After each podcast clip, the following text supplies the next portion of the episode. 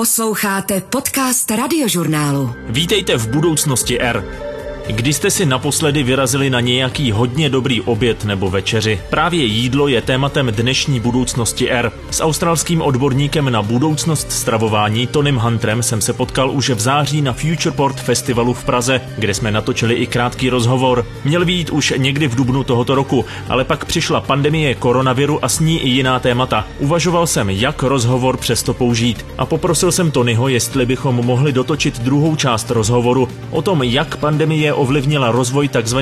agrofood technologií. Hostem budoucnosti éry je tedy tentokrát odborník na budoucnost jídla Tony Hunter. Společnosti, které pěstují maso z buněk, začínají stavět testovací továrny, takže brzy budeme v těchto věcech mnohem dál, než jsme si před devíti měsíci uměli představit.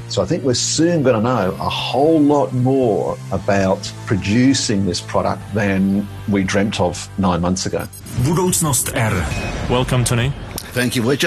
Jedno z témat tady na Futureport Festivalu je budoucnost jídla a já svým hostům tady v podcastu někdy pokládám otázku, co je podle nich ten nejpalčivější problém současnosti, respektive co bychom měli začít řešit, abychom si zachovali svět tak, jak ho známe. Předpokládám, že pro vás to je právě jídlo. Yes, look, I think the most pressing issue is that basically for everybody in the world to eat the way we've all eaten the beautiful food here at Futureport Prague is essentially. Myslím, že tím nejpalčivějším tématem je, že není možné, abychom všichni na celém světě mohli i do budoucna jíst tak, jak to děláme teď. Neustále si užívat skvělé jídlo, jako třeba tady na festivale. Na planetě na to není dostatek půdy ani vody. A to je něco, čemu se musíme postavit už teď a zamyslet se, co s tím můžeme dělat, jak využít všechny ty nové technologie, které teď máme. And then look at what can we do about that with all the new technologies that are available to us. Já jsem se zrovna vrátil z ochutnávky laboratorně vypěstovaného masa. Byl jsem popravdě celkem překvapený z toho, jak to chutnalo. Mělo to chutnat jako kuře a překvapivě to tak skutečně chutnalo. Vyzkoušel jste to už někdy? No, unfortunately, every time I... Bohužel ne. Pokaždé, když jsem dorazil do nějaké takové laboratoře, tak zrovna neměli nic připraveného na ochutnávku. Takže v tomhle jste o krok napřed. Docela vám závidím. I'm jealous. I was thinking like if that... Uvažoval jsem nad tím, jestli právě tohle je budoucnost stravování. Ty výhody jsou poměrně jasné, nižší produkce CO2, není kvůli tomu potřeba zabíjet zvířata, takže takhle to budeme dělat.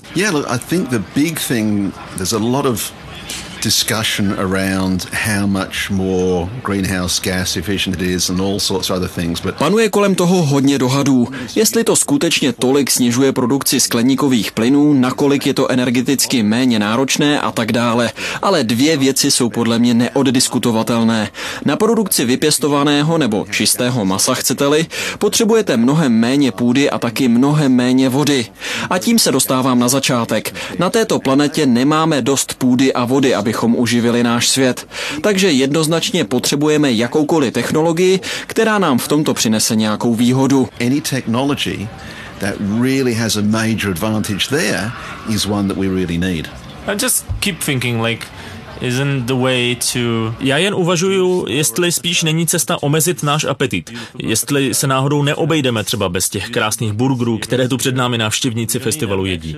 Some people think that you can replace meat with plant-based products, and I think for some people that's true. Někteří lidé si myslí, že můžeme nahradit maso produkty na rostlinné bázi a pro některé lidi to může fungovat. Ale když jsem se tak bavil s lidmi, zjistil jsem a sám s tím souhlasím, že maso má něco, co lidi zkrátka chtějí. Jakkoliv může být maso na rostlinné bázi dobré, poznáte, že to není opravdové maso. Nevím, jestli to je věc kultury nebo lidské psychologie, ale lidi prostě chtějí maso. A pokud jim nabídneme produkt, který budeme umět získat udržitelnějším způsobem, lidi ho budou kupovat. Zkoušel jsem takový malý experiment a lidem jsem říkal, že mám v každé ruce jeden hamburger. Oba jsou naprosto stejné, po nutriční stránce jsou stejně nezávadné a tak podobně. Na jednom je obrázek kravičky Daisy, tak kvůli tomu musela umřít. Ona je váš hamburger. Na druhém je obrázek Jenny. Ta jen darovala jednu buňku a teď se dál veselé pase. A ptal jsem se, který hamburger by si dali. A naprostá většina řekla, pokud kvůli tomu hamburgeru nemuselo nic zemřít, tak proč bych jedl ten, kvůli kterému museli zabít Daisy? A vypěstované maso nabízí lidem právě tuhle možnost. Udělat něco, co cítí, že je správné, tedy sníst maso, kvůli kterému nemuselo zemřít zvíře. A zároveň můžou mít svůj steak a hamburger, protože ho prostě mají rádi. Do what they feel is right, which is not have to kill something they don't have to, versus the fact that I want my steak or I want my burger. I just, I just like it. Zatímco maso na rostlinné bázi si už poměrně běžně můžeme koupit i v Česku, laboratorně vypěstované maso ještě dostupné není. Na zářijovém Futureport festivalu jsem ale měl možnost si ho vyzkoušet. Ambasador společnosti Just, havajský kuchař Kajmana Čí na pánvi krátce osmažil laboratorně vypěstovaný kuřecí nugget, posolil ho a my ho můžeme společně s Christianem Bauligem z německého deníku Der Spiegel ochutnat. Yeah, the taste is really like chicken. Although I think it feels a bit softer. The texture is a bit softer. Yeah. S Kristianem jsme se shodli, že to skutečně chutná jako kuře, možná trošku tou strukturou připomíná spíš mleté maso, ale je to zaměnitelné s jakýmkoliv jiným kuřecím masem nebo nějakým nuggetem. Budoucnost R o uměle vypěstovaném mase s Brianem Spearsem ze společnosti New Age Meats si můžete poslechnout v aplikaci Můj rozhlas nebo na webu radiožurnál.cz. Posloucháte Budoucnost R. Podcast radiožurnálu o vědě, medicíně a moderních technologiích. Zmiňovali jsme laboratorně vypěstované maso, produkty na rostlinné bázi. Jaké jsou další možnosti? One of the most interesting ones, and it, it, they reckon this will be in production by 2021, Jednou z nejzajímavějších je jídlo z elektřiny. Mohlo by se začít vyrábět už v roce 2021. Zjednodušeně řečeno, vezmete elektřinu ze solárních panelů, díky ní rozštěpíte vodu na vodík a kyslík, přidáte oxid uhličitý a nějaké minerály a pěstujete v tom mikroby. Je to tisíckrát méně náročné na vodu než jakýkoliv chov zvířat. Produkuje se přitom stokrát méně skleníkových plynů a nepotřebujete žádnou úrodnou půdu. Postavíte fabriku tam, kde byste nikdy nic pěstovat nemohli a vyrábíte tam protein. Well, you couldn't physically grow or graze anything and you can make protein. Ale pořád je to jenom protein. Yeah, just the protein, but then you can texturize and use that to make plant-based products. You could feed it to fish for aquaculture. Ano, ale můžete z něj vyrábět maso na rostlinné bázi. Můžete s ním krmit ryby a nahradit tak krmivo, které se často dělá z ryb a to je ohromně neefektivní. Za chvíli na světě nebude dost ryb na to, abychom z nich mohli udělat krmivo pro ryby a krmit tím ryby v chovech. To přece nedává žádný smysl. A další způsob, který mě velmi zaujal, je získávání proteinů ze dřeva.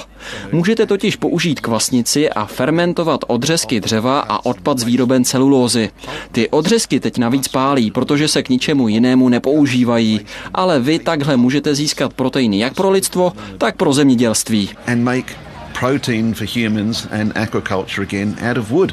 We actually mentioned that like the people are... Třeba s Vítorem Santem z Just Meat jsme se bavili o tom, jak lidé na jejich vypěstované maso reagují. V San Francisku by ho mohli jíst každý den, ale nejsem si jistý, jestli tady v Česku by z toho lidé byli tak nadšení. Asi si na to ale musíme jen zvyknout. I think you're absolutely right. I mean, I've given a couple of examples of things where people Myslím, že máte naprostou pravdu. Sám bych vám mohl dát několik případů, kdy lidé něco takového dělají a vůbec nad tím nepřemýšlejí. Vezměte si třeba kostky ledu. Ještě v 19. století existovali ledaři, kteří vydělávali jmění tím, že vysekávali led z jezer a posílali ho z Ameriky do Indie nebo do Karibiku. Pak přišly ledničky, které v podstatě nahradily přírodní led. A i když ledaři upozorňovali na to, že přírodní led taje mnohem pomaleji než tento mechanicky získaný, tak dnes těm kostkám ledu neříkáme mechanicky získaný led. Je to prostě led. A myslím si, že když dosáhneme téhle důvěrnosti, tedy že lidé budou těmto věcem rozumět a osvojí si je, pak je vyzkouší. To je ten problém. Teď to je něco nového, něco, co neznají. Až si to budou moct koupit a uvidí, že je to dostupné po dny, týdny, měsíce a že je to nezávadné a pořád to tam je, pak si řeknou, mohl bych to vyzkoušet, už to trochu znám a už se toho tolik nebojím. I'll give it a try now. It's I'm I'm familiar with that. It's not scary anymore. It's just something that is. What should we do like uh, generally? It's not only about inventing the lab grown meat. Like uh, I guess asi to není jen o nových technologiích. Eh, Neměli bychom změnit i způsob, jakým o jídle uvažujeme. Omezit třeba naši spotřebu masa. Yeah, look, I, I think it's very interesting. Over the last couple of years, since I've got more and more into alternative protein space. Víte, je zajímavé, že když jsem se v posledních letech začal o tyto nové technologie zajímat, začal jsem se ptát sám sebe, proč na snídani chci slaninu a párky, šunku k obědu a k večeři steak. Je to částečně dané naší kulturou, je zatím skvělý marketing a taky dostupné produkty. Hlavně je to ale otázka naší kultury. A máte pravdu, měli bychom se zamyslet nad naším jídelníčkem. Jsou určité náznaky, i když ne úplně jasné důkazy, že červené maso pro nás není tak zdravé jako jiné produkty. A všechny diety vám budou radit, ať jíte víc zeleniny, víc obilnin, tím nemůžete nic moc zkazit. Já jsem třeba omezil přísun masa jednoduše tím, že jsem začal uvažovat, proč to vlastně dělám, proč potřebuju tolik masa ve svém jídelníčku. Austrálie je zemí s druhou největší spotřebou masa na světě, hned za spojenými státy. V Austrálii je to asi 100 kg, v Americe 108 a v Evropě asi 60 až 65. So we're 100 odd kilos, the US is 110, Europe somewhere around 60, 65. We're smaller. Jsme menší. no, that's per capita. Ale to je v přepočtu na jednoho obyvatele. Ale možná bychom to tak mohli vyřešit. To mě nikdy nenapadlo. Fix something. I haven't thought about that one. It's not something we need to... Každopádně není třeba, aby ta změna začala někde jinde než v laboratořích.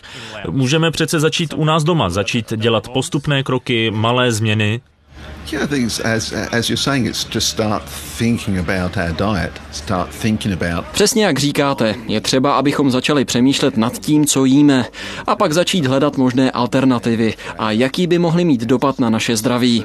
Jak se určitě většina vědců shodne, nižší spotřeba červeného masa je dobrá pro naše zdraví a měli bychom ji vyvážit rostlinnými produkty a to trochu sníží ten tlak na zemědělský systém, aby neustále hledal, kam se rozrůstat a kde dál pěstovat a chovat. Rozvinuté země spotřebovávají mnohem větší množství přírodních zdrojů než ty rozvojové. A to se musí změnit. Musíme přijít na to, jak toho dosáhnout v následujících 20-30 letech. A myslíte, že pořád ještě máme těch 20-30 let, nebo musíme jednat rychleji? Musíme jednat rychle. Ta změna musí být exponenciální. Malé změny, i když bychom je třeba mohli udělat hned, nebudou sami o sobě stačit. Nestačí jen chovat o něco víc zvířat nebo pokácet pár zalesněných ploch navíc. Musíme se snažit najít způsob, jak to, co děláme, změnit exponenciálně. A lidé si musí uvědomit to, co jsem už několikrát rád opakoval, že zkrátka nemáme dostatek zdrojů a potřebujeme nové technologie a zároveň přizpůsobit naše stravovací návyky, abychom nakrmili zbytek světa. 800 milionů lidí na této planetě trpí potravinovou nejistotou, tedy neví, kde získají své příští jídlo. A my, jako rozvinuté země, jim s tím musíme pomoct. 800 million people in the world are food insecure. They don't know where their next meal is coming from. And we as the developed countries need to help do something about that. To byla první část rozhovoru s Tonym Hunterem natočená loni v září na Futureport Festivalu v Praze. S Tonym jsme si přes aplikaci Zoom zavolali znovu v polovině června. Zajímalo mě, jak pandemie urychlila rozvoj agrofood technologií. Například doktorka Divya Čendrová na březnové konferenci Singularity University o COVID-19 řekla, že pandemie může popohnat právě třeba vývoj laboratorně vypěstovaného masa. Kdybychom dokázali vyrábět maso ve sterilním prostředí, například z buněk zvířat, zcela by to změnilo způsob, jakým pracujeme se zvířaty, která potenciálně můžou na lidi přenášet různá onemocnění, zvlášť s těmi, která jsou zhromažďována ve stísněných podmínkách velkochovů.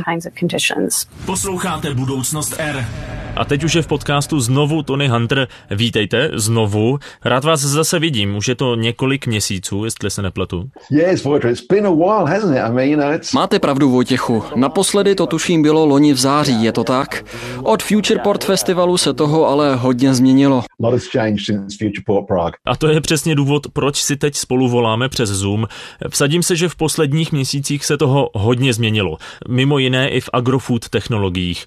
Na jedné konferenci jsem slyšel, že nás to donutí rychleji přijímat tyto nové technologie, abychom mohli získávat potraviny v úvozovkách čistějším způsobem. Yeah, look, uh, people say this is what they're calling a, a black swan event. But um, it's not. Víte, Vojtěchu, lidé často říkají, že je to Black Swan event, tedy něco, co se nedalo očekávat, ale to není pravda. Mikrobiologové to předpovídali už v roce 2007, když varovali, že bychom si měli dávat pozor na koronaviry z Jižní Číny přenášené divokými zvířaty. A před dvěma lety jste si mohli svoji společnost pojistit proti pandemím. Ale nikdo to tehdy nechtěl, protože si mysleli, že to nebudou potřebovat. Takže to skutečně nepřišlo z ničeho nic. Lidé věděli, že to přijde. A projdeme si tím znovu za dva roky, za pět, za deset nebo za dvacet let. Snad jsme se z toho hodně věcí naučili. and we're going to go through this again. Whether it's two years, five years, 10 years, 20 years, we're going to go through this all again. So hopefully we learn a lot of lessons from this. A co se tedy změnilo? Everything and nothing. Everything has changed for us in our lives. Všechno a nic. V našich životech se z krátkodobého hlediska změnilo skutečně téměř všechno. Byl zákaz vycházení, nemohli jsme do restaurací, nesměli jsme se schromažďovat do velkých skupin. Ale když se podíváme na výhled deseti nebo dvaceti let, nemyslím si, že se něco zásadně změnilo v oblasti jídla a stravování. Některé trendy se trochu zrychlily a lidi se začali trochu víc starat o svoji imunitu. Ve Spojených arabských Emirátech začali lidé ve velkém nakupovat pomeranče. V některých zemích už nemůžete koupit vitamin C, protože je po něm taková poptávka. Takže je vidět, že se lidé mnohem víc zajímají o to, jak si personalizovat jídelníček, aby si zvýšili svoji imunitu personalizing our diet to boost our immune system, boost what's going on. A postrčilo to nějak rozvoj těch nových technologií, o, o kterých jsme mluvili? Ten rozvoj rozhodně nespomalil. Už jsme letos viděli několik velkých investic do společností, jako je Blue Nalu, kteří se zabývají buněčným pěstováním mořských produktů, nebo Memphis Meats, kteří z buněk pěstují maso. A podobně rostou i firmy v oblasti syntetické biologie. Takže tohle odvětví pořád pomalu roste. Ale za těch devět měsíců od Futureport Festivalu nastaly i velké změny. Společnosti, které pěstují maso z buněk, začínají stavět testovací továrny. Takže brzy budeme v těchto věcech mnohem dál, než jsme si před devíti měsíci uměli představit. So I think we're soon going to know a whole lot more about producing this product than we dreamt of nine months ago. Ale jak vás tak poslouchám, tak to by se stalo bez ohledu na koronavirus. Investory to možná jen donutilo víc do těchto technologií investovat. Yeah, I think you're right. I think it's, it's one of those ones that's been accelerated. As you pointed out, Myslím, že máte pravdu. Tohle je jedna z věcí, kterou pandemie trochu uspíšila. A jak jste říkal, je tu určitá spojitost mezi tím, že kácíme čím dál tím víc lesů a tím, že se šíří podobné viry, protože se dostáváme blíž a blíž k jejich hostitelům divokým zvířatům. Zároveň jsme ale viděli, že zemědělský systém je poměrně odolný. Nevím, jak to vypadalo u vás v České republice, ale my v Austrálii jsme nezažili nějaký dlouhodobější problém s jídlem. Někteří lidé vykoupili některé některé potraviny. Chvílemi bylo složité sehnat třeba těstoviny a podobné trvanlivé věci, ale všechno se už vrátilo do normálu. Měli jsme tu jen velmi málo závažnějších problémů, co se týče jídla, ale zároveň jsme viděli určitou křehkost toho systému. Konkrétně ve Spojených státech byly miliony kuřat a miliony prasat, která zabili a v podstatě je vyhodili na skládku, protože je nestihli porazit. A třeba některá kuřata, obzvlášť brojlery, farmy prodávají po 30 dnech a v době koronaviru koronaviru je nemohli prodat, ani když byla 40 dní stará, takže už nikdo nechtěl, přestože jsou to naprosto zdravá a nezávadná zvířata. To jen ukazuje, jak křehká je rovnováha tohoto průmyslu. Když všechno funguje jak má, tak je to v pořádku, ale když to přestane fungovat, proč bychom vlastně neměli chtít 40 dní staré kuře? Co je s ním špatně? Vůbec nic, ale tento systém nám neumožňuje být v tomhle flexibilní. A některé nové technologie tuhle volnost přináší. Můžeme zpomalit výrobu nebo ji naopak zrychlit mnohem pružněji než v případě běžného systému zemědělství. We can throttle back, we can increase production far easier with these new technologies than we can with conventional animal agriculture. Hodně se mluví o tom, že to šíření koronaviru je důsledkem globalizace. Měli bychom se tedy naučit být víc lokálně nezávislí, co se týče jídla a podobně? Yeah, also self-sufficient in, yeah. in by, by country, our own food security. Look, I, I think that's a really good point, Vojta, because I think that's one of the things we've got to have Soběstační ano. Myslím, že je to velmi dobrá připomínka a měli bychom se na to zaměřit, obzvlášť v rozvojových zemích. Teď mají země dostatek jídla, úrodné půdy a vody, ale pokud něco z toho nemáte, jako třeba země na Blízkém východě, pak jste vydáni na milost zemím, které k vám dovážejí. A pokud oni budou mít z nějakého důvodu nedostatek potravin, tak při vší dobré vůli přestanou dovážet. Při globální pandemii je to velký problém. Když se jedná o epidemii v jedné zemi, tak změníte dodavatele. Ale myslím, že budeme muset hledat nějaké řešení. Některé ty nové technologie, o kterých jsme mluvili, nezávisí na úrodné půdě a velké množství čerstvé vody. Třeba právě to pěstované maso. Můžete na ní používat recyklovanou vodu a navíc mnohem menší množství. Takže jednotlivé státy by se měly nad těmito technologiemi zamyslet. Proč bychom je nepoužívali, když díky nim budeme soběstační a budeme se chovat udržitelně? Viděli jsme to v Evropě, kde některé země přestaly vyvážet sojový protein nebo třeba cukr a obilí. Většina z nich už zase začala, ale chvíli to trvalo. Dokud si nebyli jistí, co se bude dít, jak se situace bude vyvíjet, tak vláda bouchla do stolu a zcela export zastavila. Takže se budeme muset zaměřit na to, jak země v takových situacích reagují. A to je přesně odvrácená tvář globalizace. Dokud jsou jen lokální problémy, nic moc se neděje, ale když jsou to globální problémy, ukazují se trhliny a slabá místa toho systému. They work well when you have localized problems. When you have pandemic problems, then it shows where the fractures are and where the where the weaknesses are in the in the system. Na vašem webu jsem četl zajímavý článek o tom, že by se tyto nové technologie mohly šířit jako takzvané franšízy, podobně jako řetězce rychlého občerstvení, tedy že by se nevyvážel samotný produkt, ale technologie a know-how. Prostě bychom si koupili technologii a začali si vyrábět vlastní protein a podobně. Absolutely. Well, you, you took the words right out of my mouth there because I think what is say technology unlike arable land and water is totally transportable. Přesně tak, berete mi to z úst, protože technologie na rozdíl od úrodné půdy a vody je přenositelná. Jestli se nepletu, tak ten článek byl o syntetické biologii, při které se využívá fermentace a následně mikroby. A vy pak můžete mít malé továrničky, kde se tyhle ingredience vyrábí v různých městech po celé zemi. A zatímco teď všechno musíte stavět větší a větší, abychom vyprodukovali co nejvíc, tak v budoucnu to tak možná nebude. Do you need is the model that we've got where you make bigger and bigger and bigger is better and better and better. Maybe that's not going to be the case in the future. Na druhou stranu Čína minulý týden oznámila, že chce podpořit a urychlit eh, růst výroby laboratorně vypěstovaného masa. To může být velmi zásadní milník pro tuto technologii, když ji takto tlačí jedna z největších zemí na světě a dokonce její vláda. Well, I mean, whether you like don't like, disagree, whatever, with the Chinese system, generally they have a five year plan or a 10 year plan. Víte, ať už se vám čínský systém líbí nebo ne, oni si vytyčí pěti nebo desetiletý plán a pak ho prostě splní. Vezměte si, že postavili nemocnici za deset dní.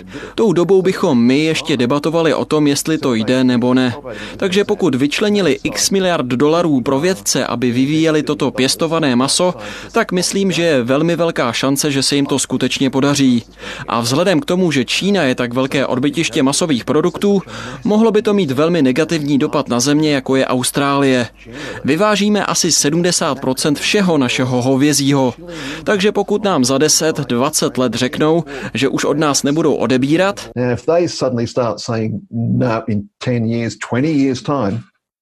we don't need that anymore, we're just growing our own. Co budete dělat? Přesně tak. Co s tím chcete dělat? Prostě o ten trh přijdete. Možná se můžete zaměřit na nějaký úzce zaměřený produkt, zdražit. Rozhodně to je zajímavý scénář.